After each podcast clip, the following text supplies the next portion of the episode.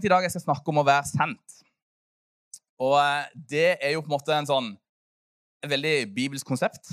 At eh, vi er sendt ut i vår verden. Akkurat som eh, Faderen sendte sin sønn, så sender han oss. Og vi kan få lov til å påvirke verden. Og så er det litt sånn, egentlig litt sånn sprøtt å liksom se hvordan kan det se ut. For det, det virker litt voldsomt at vi er liksom betrodd det. At vi er sendt videre til vår omgivelse. Jeg kan i hvert fall noen ganger tenke at oi, det, det, er veldig mye liksom, som ligger på våre skuldre da, eller det høres jo veldig mye ut liksom, at vi er sendt. Heldigvis så er det ikke så mye av det som ligger på våre skuldre, men det ligger på hans sine skuldre. Og heldigvis så er det sånn at vi kan få lov til å stå i det i tro og tillit til at det er han som er med oss, det er han som gjør greiene. Det er han som frelser mennesket, det er han som gjør en forskjell. Og så får vi lov til å være det privilegium at vi får lov til å være hans hender og føtter her på jorda. Vi får lov til å betjene mennesket og bety en forskjell. Og at det vi har fått, det kan vi gi videre. Det vi har hørt, det kan vi snakke om videre, osv. Det er veldig, veldig nice. Så jeg vil egentlig ta utgangspunkt i dag i eh, et gammelt kristen konsept som heter bønn. Jeg vet ikke om du har hørt om det før, men eh, det er faktisk en eh, undervurdert greie. Og jeg tror at bønn, det bør være en livsstil for oss som tror. Bønn er ikke en sånn at man skriver en handleliste, og så skal man krysse av på de bønnene man har skrevet. Det er liksom ikke en praksis der man i løpet av en dag så kan man bare si ja, nå har jeg bedt, ferdig med det. Men det handler om et liv sammen med Jesus. Det handler om et liv sammen med han som har skapt oss, og han som elsker oss. Og når man går ifra jeg tror nesten det er sånn et steg å ta fra at, bønn blir på en måte en aktivitet, til at bønn blir et liv. Jeg kan kjenne noen ganger på at i noen settinger så forventes det jo på en måte, Jeg er pastor, jeg, jeg må jo be. Altså, det er på en måte en aktivitet. Jeg, jeg, er betalt for å be. En, uh, altså, jeg får lønn for å be. Uh, men samtidig så Jeg merker det litt de siste årene. Dette er jo nesten en uh, voldsom bekjennelse å komme, at, at noen ganger når jeg skal forberede meg til en preken, eller liksom, jeg skal be fordi at jeg skal gjøre et eller annet, så kjenner jeg nesten at det kan være litt sånn tungt å be. Litt sånn, ah, Nå ber jeg på en måte fordi at jeg skal levere noe, eller fordi jeg skal gjøre noe. Men den der bønnen der jeg bare er sammen med Jesus, uten noen agenda. Uten noe sånn, nå skal jeg be fordi det skal føre til et resultat, på en måte. Men bare få lov til å være sammen med pappa i himmelen. Og få lov til å kjenne hans nærvær, få lov til å bli bedre kjent med han. Det er liksom en sånn utgangspunkt som jeg tror vi ikke må miste av syne. For det er så fort gjort at det blir en sånn, Vi er så vant med å ha lange to do-lister, masse ting vi skal gjøre, masse ting vi skal fylle hverdagen vår med. Og Hvis bønn blir enda en ting på denne to do-lista vår, at det blir liksom, ja, jeg skal kjøpe brød og egg i butikken, og så skal jeg be, så kan det fort bli en sånn liten sånn trøye av bønn som holder rundt, og det blir litt klamt, litt trangt. Og han føler at ah, jeg må jo be, liksom. Men Det handler ikke om at du må be, men det handler om at vi kan be. Det handler om at vi har et privilegium der, at vi faktisk kan komme nær til Gud. Vi kan være sammen med Han, og det kan være en pulserende relasjon med Jesus. Hvis alle bønnene dine går i oppfyllelse, endrer det bare deg, eller vil det endre mennesket rundt deg og deg sine liv og deg sin tro? Hvilke bønner ber vi? Hvilke perspektiver har vi der? Ber vi bare bønner som handler om vårt eget liv, eller ser vi litt lenger rundt oss når vi ber? Ser vi situasjonen i verden? Ser vi situasjonen på jobben vår? Ser vi kollegaene våre, vennene våre, som kanskje ikke kjenner Jesus ennå, og har mitt hjerte for dem når vi ber? Bønn det handler om relasjon med Jesus. For ganske mange år siden, dette var vel eh, tilbake til 2008 Et par uker etter jeg hadde blitt en kristen på ungdomsmøtet her, så ble jeg med på misjonstur til Latvia. Eh, et eller annet kom i veien for Knut Daniel, så jeg fikk liksom hans eh, billett sånn i siste, siste liten. Og eh, det Altså, det var kjipt for Knut Daniel ikke med på den turen, men det forandra mitt bønneliv. Det gjorde noe med mitt liv. Det å sende liksom en to ukers frelst fyr på misjonstur til Latvia, det er det smarteste man kan gjøre. Så jeg, jeg reiste til Latvia sammen med en gjeng herfra. Det var noen formisjonskirker der. Og der opplevde jeg for første gang at uh, vi møtte mennesker som eller Jeg opplevde for første gang å se mennesker som var syke eller hadde ulike skader på kroppen. Og vi ba for dem, og så ble de helbreda. Og Jeg husker så godt en busstur hjem fra flyplassen i etterkant. Og det er meg og så var en fra Misjonskirka som sitter og snakker sammen. og Det begynner å komme liksom en sånn tvil på liksom bare ja, men, Hun der ene som vi ba for, hun eldre dama som hadde en kul under, under kneet sitt Det kan jo ikke ha skjedd. altså, Det er jo for sprøtt, liksom. altså det, det kan jo ikke være helt det som skjedde. Vi må jo ha overdrevet dette her litt. Hun kan ikke ha vært så dårlig i utgangspunktet. eller Det kan ikke ha vært så ille, liksom. Så reiser vi ned til Latvia et år seinere, og så er vi på et annet sted. Eh, en times tid under der vi var året før. Og på det stedet så, så har vi et gatemøte der jeg står og forteller dette vitnesbyrdet fra året før. Jeg vet ikke om du husker det, men det er en helt sånn sprø greie, for da, da har den dama hørt at det skal komme team fra Norge der. Og hun er liksom der, på den plassen.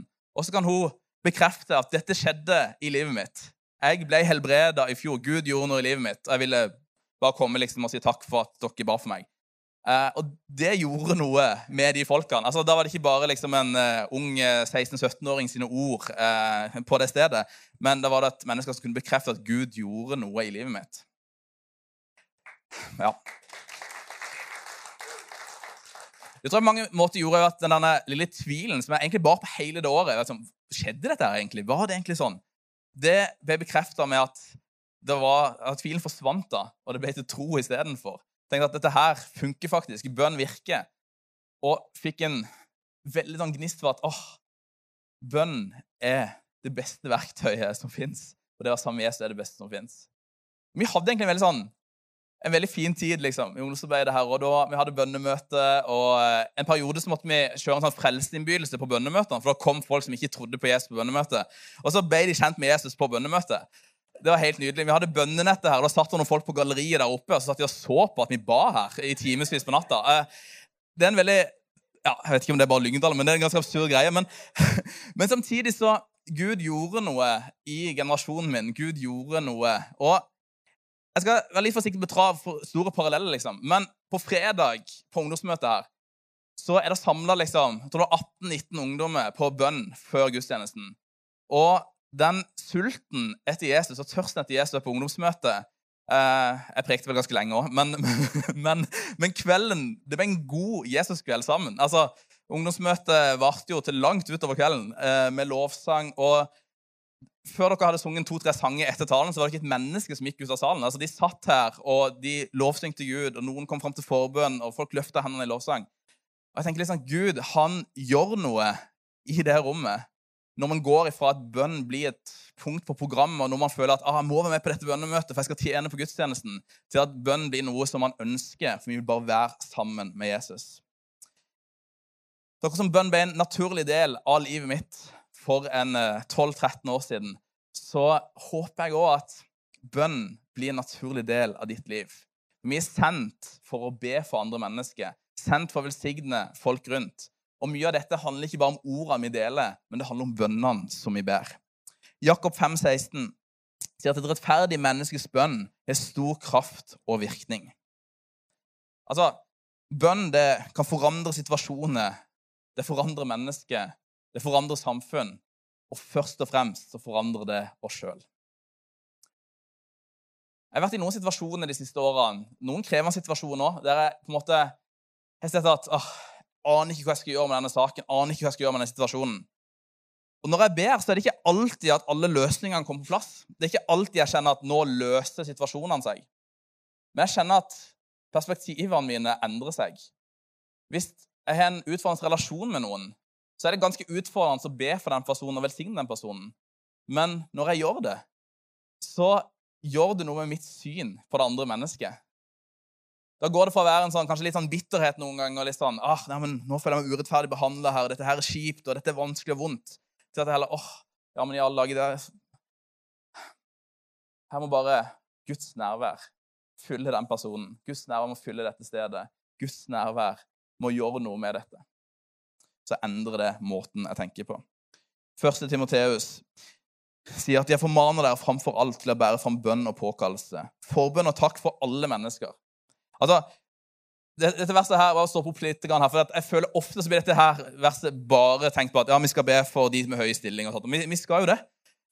vi skal be for verden, men vi skal også be for alle mennesker. Vi skal være i påkallelse, forbund og takk for alle mennesker. Vi er sendt til alle mennesker, vi er ikke bare sendt til de som sitter med en eller annen stilling. Men vi òg skal be for konge og alle ledende stillinger, så vi kan leve et stille og fredelig liv med gudsfrykt og verdighet i alt. Dette er godt og noe Gud var frelst og gleder seg over. Han som vil at alle mennesker skal bli frelst og lære sannheten å kjenne. For meg så har dette her blitt litt sånn ekstra aktuelt de siste månedene med den situasjonen som også er i Europa nå. Og jeg har et par veldig gode venner fra Ukraina som jeg har jobba sammen med i mange år. når jeg i Ny Generasjon. Eh, og lederen for Ny Generasjon i Ukraina, Luba, hun eh, har hatt Nå har jeg ikke snakka så mye om det de siste ukene, men fra krigen brøt ut og fram til sommeren så har vi nesten daglig kontakt. Enten på telefon eller meldinger. Og Noen dager så gikk det litt tid mellom om man fikk høre noe, fordi de hadde ikke mobildekning og, eller Internett og klarte ikke å kommunisere. Men måten som, som hun og mange av de yngre menneskene i Ukraina eh, takler ting som er bare ekstremt urettferdig og grusomt å se på, det gjør noe med mine perspektiver samtidig. Når hun forteller at eh, de velger å be for situasjonen, de velger å be for de soldatene som er imot dem, de velger å be for presidenten i Russland, um, så kjenner jeg at det utfordrer meg. Altså, Jeg tror det er vanskelig å sette seg inn i en sånn situasjon. Jeg klarer jo ikke det. Men, men du, du, er en helt håpløs og vanskelig umenneskelig situasjon, og så velsigner man allikevel de som forfølger deg. Hun nevner også at de flere ganger så har de gitt mat, varme og pledd til noen av soldatene de har truffet, fra den andre sida. Altså Det er jo Det er nydelig å høre, men det utfordrer meg òg. Det utfordrer meg til min hverdag her hjemme i Norge. Det setter ting litt i perspektiv fra våre ilandsproblemer. Våre ting som, som vi gjerne ber Gud om, og som vi hyler ut om noen ganger, som selvfølgelig Gud tar omsorg for det, og det er viktig, for det angår oss. Men, men samtidig så setter det ting, det sorterer ting litt. Det er mennesker som går igjennom ting som de aldri burde gå igjennom. Og så har de et sånt perspektiv der de velsigner mennesket rundt seg allikevel. Velsigner fienden. Jeg tror jo at akkurat som bønn for andre og bønn er en livsstil, så er bønn for andre òg en toveiskommunikasjon. Det er liksom ikke sånn jeg vet ikke om du noen gang har lekt med walkietalkies når du var liten, eller kanskje du gjør det fremdeles. Eh, det, hva vet jeg. Eh, men når du har walkietalkie og du skal snakke med noen, så trykker du en sånn knapp ikke sant, for å kunne gi en beskjed. Og I starten av pandemien så jobba jeg på et, eh, på et, lager der det var under bakken, så det var ikke mobildekning. Der brukte vi walkietalkies. Og Det var utrolig frustrerende når jeg trykker inn knappen og gir en beskjed. og så eller at det er noen andre som på en måte gir meg beskjed og trykker inn knappen. Og så holder de bare inne knappen etterpå. De slipper aldri den knappen. Så det er bare masse sånn susing ikke sant, å høre at de snakker med noen andre. og De slipper aldri knappen. Så jeg, jeg kommer jo aldri til. Altså, de er bare sånn Ja, det er en krise her på sektor fire. Altså, jeg, sånn, jeg får ikke gitt noen respons, liksom. Jeg kan ikke spørre hva det er for noe, eller noen ting, fordi at de slipper ikke knappen, og da funker det ikke å trykke inn en knapp. Og det er noen ganger litt sånn når vi ber til Gud. Altså, vi, vi, er på en måte så opptatt med å si alt at vi holder inn denne knappen hele tida og ramser opp alt vi har på hjertet, og hele lista vår og alt. Og så, så er vi liksom ferdige, da. Så eh, er vi er tom for batteri på den walken etterpå, eller vi er slitne, og så finner vi på noe annet. Men noen ganger så er det litt deilig å liksom slippe opp den walkie-knappen. da. Ta vekk den knappen litt, og så lytte litt til hva Gud har å si til oss. Høre på den stemmen fra himmelen. Mange ungdommer de, de spør noen ganger om hvorfor, hvordan kan du liksom høre Guds stemme. Kanskje er det så enkelt noen ganger bare liksom ikke snakke hele tida sjøl. Eh, noen ganger lytte. Noen ganger høre etter åndens stemme. For når vi holder inne walkietalkie-knappen hele tida, så, så, taler Gud. Men det er ikke alltid at vi hører det han sier, og gir rom for han. Og tenk når vi ber for andre, og vi samtidig som vi ber for andre og prøver å huske hva personen heter, og prøver å huske på andre ting i den personens liv. Men vi kan, samtidig kan klare å lytte til Gud. Altså, det er fint å be for mennesker, og eh, all bønn er bra. Men når vi ber for mennesket, og vi samtidig kan kjenne at oi, nå fikk jeg kanskje et ord til denne personen, nå kjenner jeg at Gud kommer med en hilsen, nå kjenner jeg at det kanskje er et eller annet som legges på hjertet mitt som jeg ikke helt vet og er mine egne tanker eller Guds tanker, men det høres positivt ut, og jeg kan dele dette, så, så kan det gå ifra å bli en bønn som forvandler en situasjon, til å bli en bønn som forvandler en person. Det kan gå fra å være en bønn som gjør noe litt bedre, til å gjøre noe som setter helt annen retning for folk sine liv. Så vi må tørre å lytte. Vi må tørre å høre Guds stemme inni det. Han vet hva folk faktisk trenger. Så Bønn for andre handler jo på mange måter da om, liksom, om våre rytmer i livet, om vårt forhold til Gud. Og jeg synes egentlig at C.S. Lewis sier dette her ganske bra når han uh, forteller dette her på, på, engelsk. Så jeg skal prøve meg på engelsk. Uh, the moment you wake up each morning, all your wishes and hopes for the day rush at you like wild animals.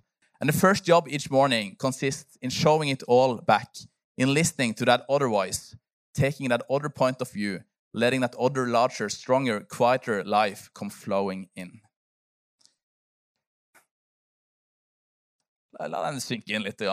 Okay. Det er liksom ikke rocket science. Du kommer til å komme til meg etterpå bare. 'David, dette har jeg hørt før.' Og det driter jeg i. Men dette her er så viktig. Det er så viktig at vi lar Gud tale, at vi lytter til hans stemme. Vi lar han gjøre ting i livene våre. Eller så blir det, blir det bare ord. Det blir en aktivitet. Det blir liksom ah, Det kan kanskje bli en liten fariseer av og til. Men her så forvandler dette livet vårt. Jeg tror at uh, dette gjør at neste gang så når vi ber for noen, og vi tar oss tid til å lytte Kanskje vi kan skrive ned noe av det vi hører Gud sier, sende en oppmuntring til noen i etterkant. Jeg vet hvorfor det er for min egen del noen ganger at det kan være litt vanskelig av og til å si ting ansikt til ansikt der og da. Kanskje skal liksom, Av og til, hvis du kjenner på det, la en tanke modnes litt, gå og bære litt på det, og så sende den meldinga. Det er ikke farlig, det heller.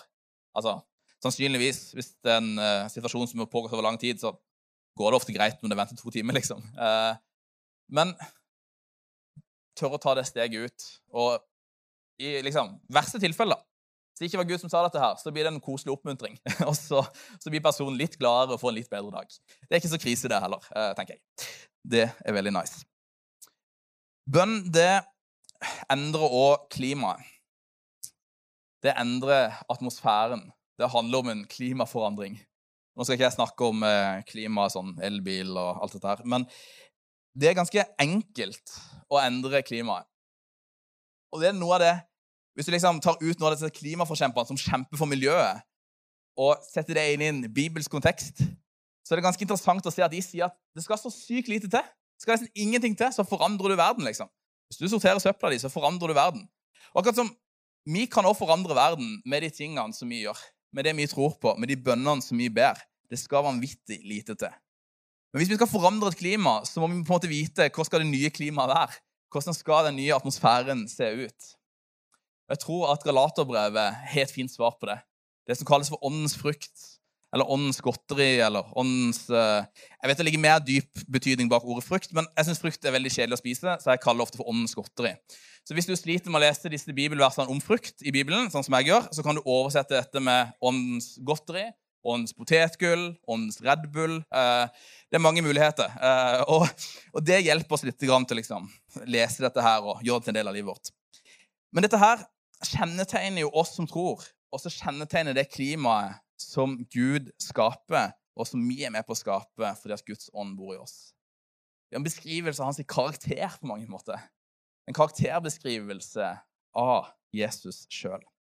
Åndens frukt er kjærlighet, det er glede, det er fred, det er tålmodighet, vennlighet, godhet, trofasthet, sakmodighet og selvbeherskelse, eller selvkontroll. Det er liksom utrolig fine ord. Men det som er fint med frukt, da, det er jo at uh, det er vanskelig liksom, å produsere denne frukten i egen kraft. Du kan liksom bare si til et epletre 'bli eple', og så skjer det. Du må, på en måte, du må nære det, og du må behandle det, og du må vanne det osv. Dette her er ikke vår, vår oppgave liksom, å produsere frukt. Men Gud han produserer frukt gjennom våre liv. Han produserer denne frukten, og så blir vi mer og mer lik han. Og så blir vi kanskje litt mer kjærlighetsfulle, litt mer tålmodige. Nei, tålmodighet er litt vanskelig, da. Men uh, vi, blir fall, vi blir mer og mer lik Jesus og ser mer og mer lik, lik ham. Og da vil folk òg se at klimaet rundt forandres. Klimaet blir annerledes når vi er sammen med Jesus. Så Sånn klima kan vi være med og se i folk sine liv. Og heldigvis så er det ingen klimakvoteskudd. Vi kan ikke kjøpe oss en bedre klimasamvittighet i forhold til det inneklimaet som Gud har for oss og for våre venner. Han har redda verden. Det er han som har gjort dette. Jesus endrer det klimaet mellom Gud og menneske en gang for alle. Så hvis bønn handler om at det blir en livsstil for oss som tror, og at vi ikke skal la det forbli liksom en uh, enveiskommunikasjon, at det forvandler oss, det forandrer omgivelsene våre fordi det forandrer klimaet, så er det jo litt sånn noen ganger interessant at bønn kan liksom på samme tidspunkt virke som en litt sånn ork for oss. Bare sånn 'Å, nei. Å, det er så slitsomt å be, og jeg orker ikke å be.' Det er nesten litt merkelig. det handler om den muligheten vi har til å be. Det handler ikke om et krav. Det handler ikke om et must, men det handler om et kan. Når de tingene havner i rett rekkefølge, så tror jeg vi, vi kommer til å be mer. Det kommer til å bli en livsstil for oss fordi vi bare har lyst til å være med Jesus. Vi har lyst til å be. Vi har lyst til å være sammen med han. Og Da er vi sendt for å be. Når vi er sendt for å be for andre mennesker, så forandrer vi verden på den måten. Altså, jeg tenker En av grunnene til at man fremdeles trenger å snakke så enkle budskap som dette her også, er fordi at alle i verden forstår ikke kraften i at de er sendt som etterfølgere av Jesus.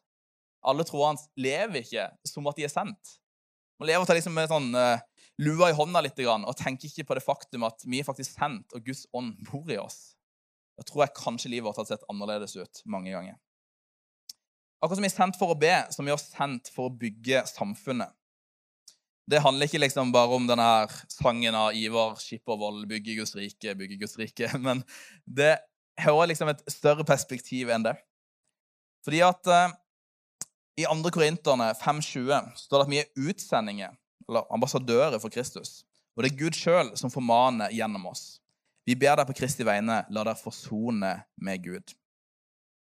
Tenk at vi, vi er sendt der vi er. Vi er sendt på vår arbeidsplass. Vi er sendt for å dele tro. Men vi er også sendt for å bare gjøre en himla god jobb. Vi er sendt for å bygge samfunnet. Det er liksom bare ta ti år tilbake, så, så, var kristne kjent for at vi gjorde så mye godt i verden. Og nå blir vi sett på som de største mørkemenn og kvinner i samfunnet. Det har skjedd en ganske stor omveltning. Vi har gått ifra å være liksom De fleste syns at kristne de var kanskje ikke enige med alt vi trodde på, men de tenkte at ja, kristne er en positiv bidragsyter til samfunnet. Og vi blir ofte sett på som det motsatte. Tenker da at nei, men det er ikke bra med disse kristne. De, de tenker så mye rart, og de gjør ting som eh, er gammeldags, og som, eh, som ikke passer inn i dagens samfunn. Men vi er sendt for å bygge dette samfunnet, for å gjøre verden til et bedre sted. Og det handler om bønn, det handler om ord, det handler om holdning, det handler om perspektivet. Det handler om at vi er satt der vi er, med en visshet om at Gud har satt meg der. Uansett hvilket yrke man har, uansett hva man gjør i sin hverdag, hvilket nabolag man har. Jeg har en litt sånn barnslig tilnærming til det. At jeg tenker at jeg er satt der jeg er, med en mening. Jeg tenker at jeg, Vi bor i det nabolaget vi bor i, med, med en mening bak det. Vi hadde nabolaget vårt på besøk forrige søndag til gudstjenesten. Det var en uh, nydelig greie. Uh, alle naboene hadde med en flaske vin hver, og sånt, så det var litt annen servering enn man vanligvis har hjemme hos familien Hadeland. Men, men, men, det er sånn Ja, Sånn er det når man skriver at 'vi har frukt, ta med den drikka dere vil sjøl'. Så innser det i etterkant at neste gang får man skrive liksom 'vi serverer cola'. Eh, men, men det er utrolig fint liksom å bare Vi er sendt til nabolaget vårt. så Fint at naboene kan komme hjem til oss, og vi kan sitte og snakke om eh, hus og jobb og liv og opptur og nedtur i livene våre med en haug med folk som ennå ikke tror. Jeg tenker Det er nydelig. Og du er sendt til ditt nabolag, du er sendt til din jobb, og du kan ha en bevissthet der om at du er en etterfølger av Jesus, en ambassadør for Jesus, en utsending for Kristus. Du må faktisk ikke være Hans Nilsen Hauge for å bygge samfunn som etterfølger av Jesus. Altså, Vi løfter jo alltid opp liksom store helter og perspektiver på dette her. Og det er jo bra, for vi kan lære noe av det. Men jeg syns det er helt nydelig når jeg bare hører om en i, en i kirka som har gått på Maxbo en dag, og så har han eh, hilst på noen bak kassa og spurt hva de heter, og så blir det til en god samtale og en god prat. Altså, Han får det litt ned på jorda, liksom. Og samtidig så vet man aldri hvor den samtalen setter i gang, og hva det kan bety. Fordi at vi har jo et annet klima med oss. Vi bærer noe annet med oss. Så det at du er du, og det at du skinner Guds lys, det gjør en forskjell. Jeg skal avslutte i dag med Johannes 17. Mens dette sier jeg dere, mens jeg ennå er i verden, for at de kan eie min glede i fullt mål. Jeg har gitt dem ditt ord, men verden har lagt dem for hat, for de er ikke av verden, slik heller ikke jeg er av verden. Jeg ber ikke om at du skal ta dem ut av verden, men at du skal bevare dem fra det onde. De er ikke av verden, slik jeg ikke er av verden. Hellige dem i sannheten. Ditt ord er sannhet. Som du har sendt meg til verden, har jeg sendt dem til verden. Jeg helliger meg for dem, så de også skal helliges i sannheten. I verden, men ikke av verden. Tidens vanskeligste balansegang. Altså, hvordan kan vi på en måte ikke miste kruttet og bli helt tannløse, og samtidig ikke bli sære og uvise og folk som ingen vil ha noe med å gjøre? Supervanskelig. Men vi trenger Guds visdom i dette her. Vi trenger hans nærvær. Vi trenger å være sammen med han. Da tror jeg faktisk det blir litt enklere. Altså, hvis vi, hvis vi skinner hans lys, og folk ser at vi ønsker verden godt, så tenker jeg at da, da, kommer man, eh, da, kommer man, unna med ting som folk ikke er helt enige med òg. Fordi at de ser at det er en kjærlighet som driver oss. Det er den kjærligheten som driver oss til gode gjerninger. Så vi er sendt på jobb, vi er sendt som student, sendt til nabolaget vårt. Sendt til de som ennå ikke tror. Sendt til de som kanskje sjøl tenker at de tror litt, men ikke så mye. Vi er sendt til, til Lyngdal. Kvås, til og med. Ja, jo da, vi er det. og vi er sendt til jordas ende. Det er ganske nydelig at vi samles til en gudstjeneste et sted, så, så tror jeg faktisk at byen vår og verden får det litt bedre fordi at vi samles til gudstjeneste. Fordi vi kommer og vi ber for mennesket. Vi er en visshet om at vi er sendt for å be for andre. Sånn, vi samler en kollekt.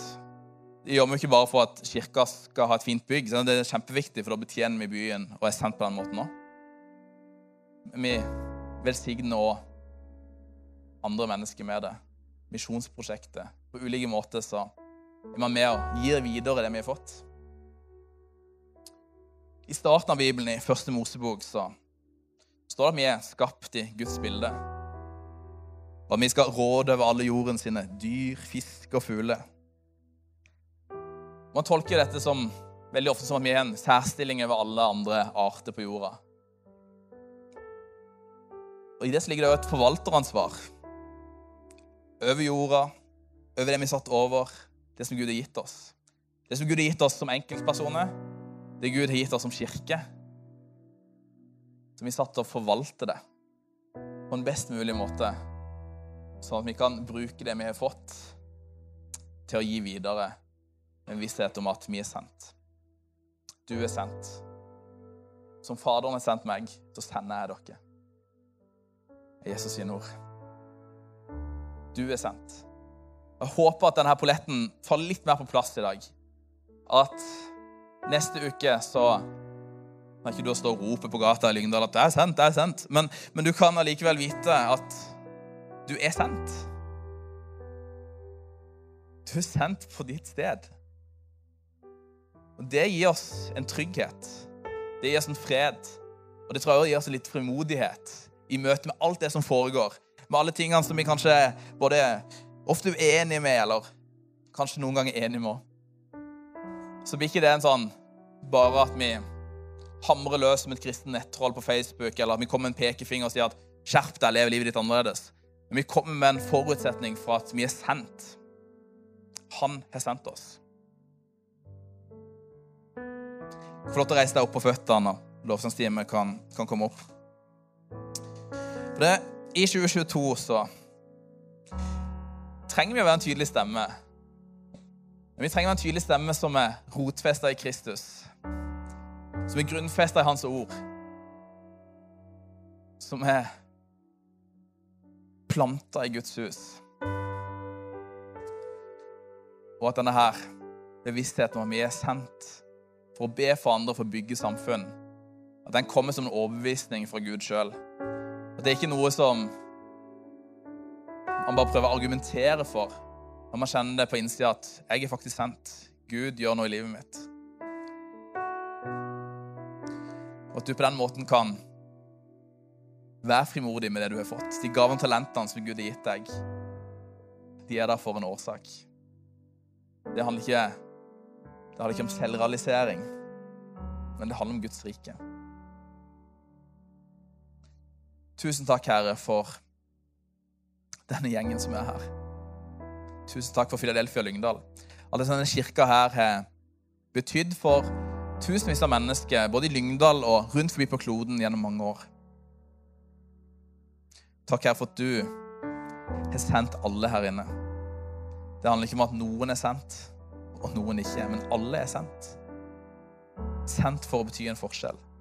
Sendt for å be for mennesket. Sendt for å se at klimaet forandrer seg, atmosfæren forandrer seg. Sendt for å bygge samfunn.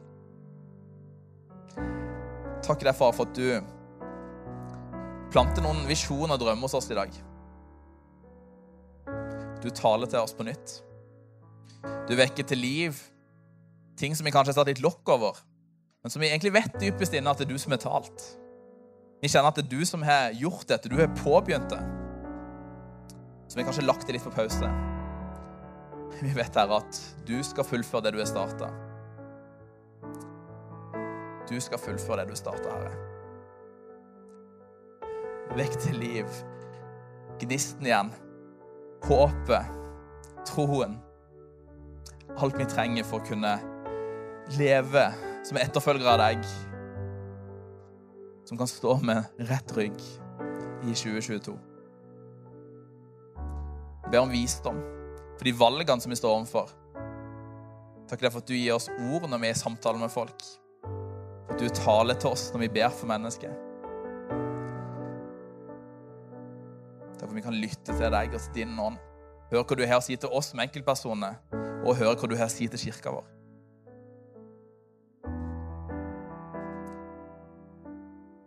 Bare ære deg denne formiddagen, Herre. Takk for at du er den som sitter på tronen. Du er den som vi har en relasjon med.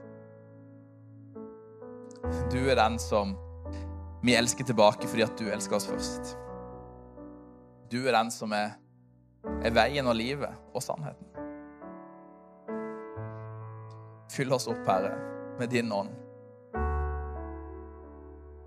Fyll oss opp med din kraft, med din styrke. Gi oss de tingene som vi, vi trenger, Herre. Ikke for at vi kunne slå oss sjøl på brystet og skryte av oss sjøl, men så vi kan ha noe å gi videre til andre mennesker rundt oss.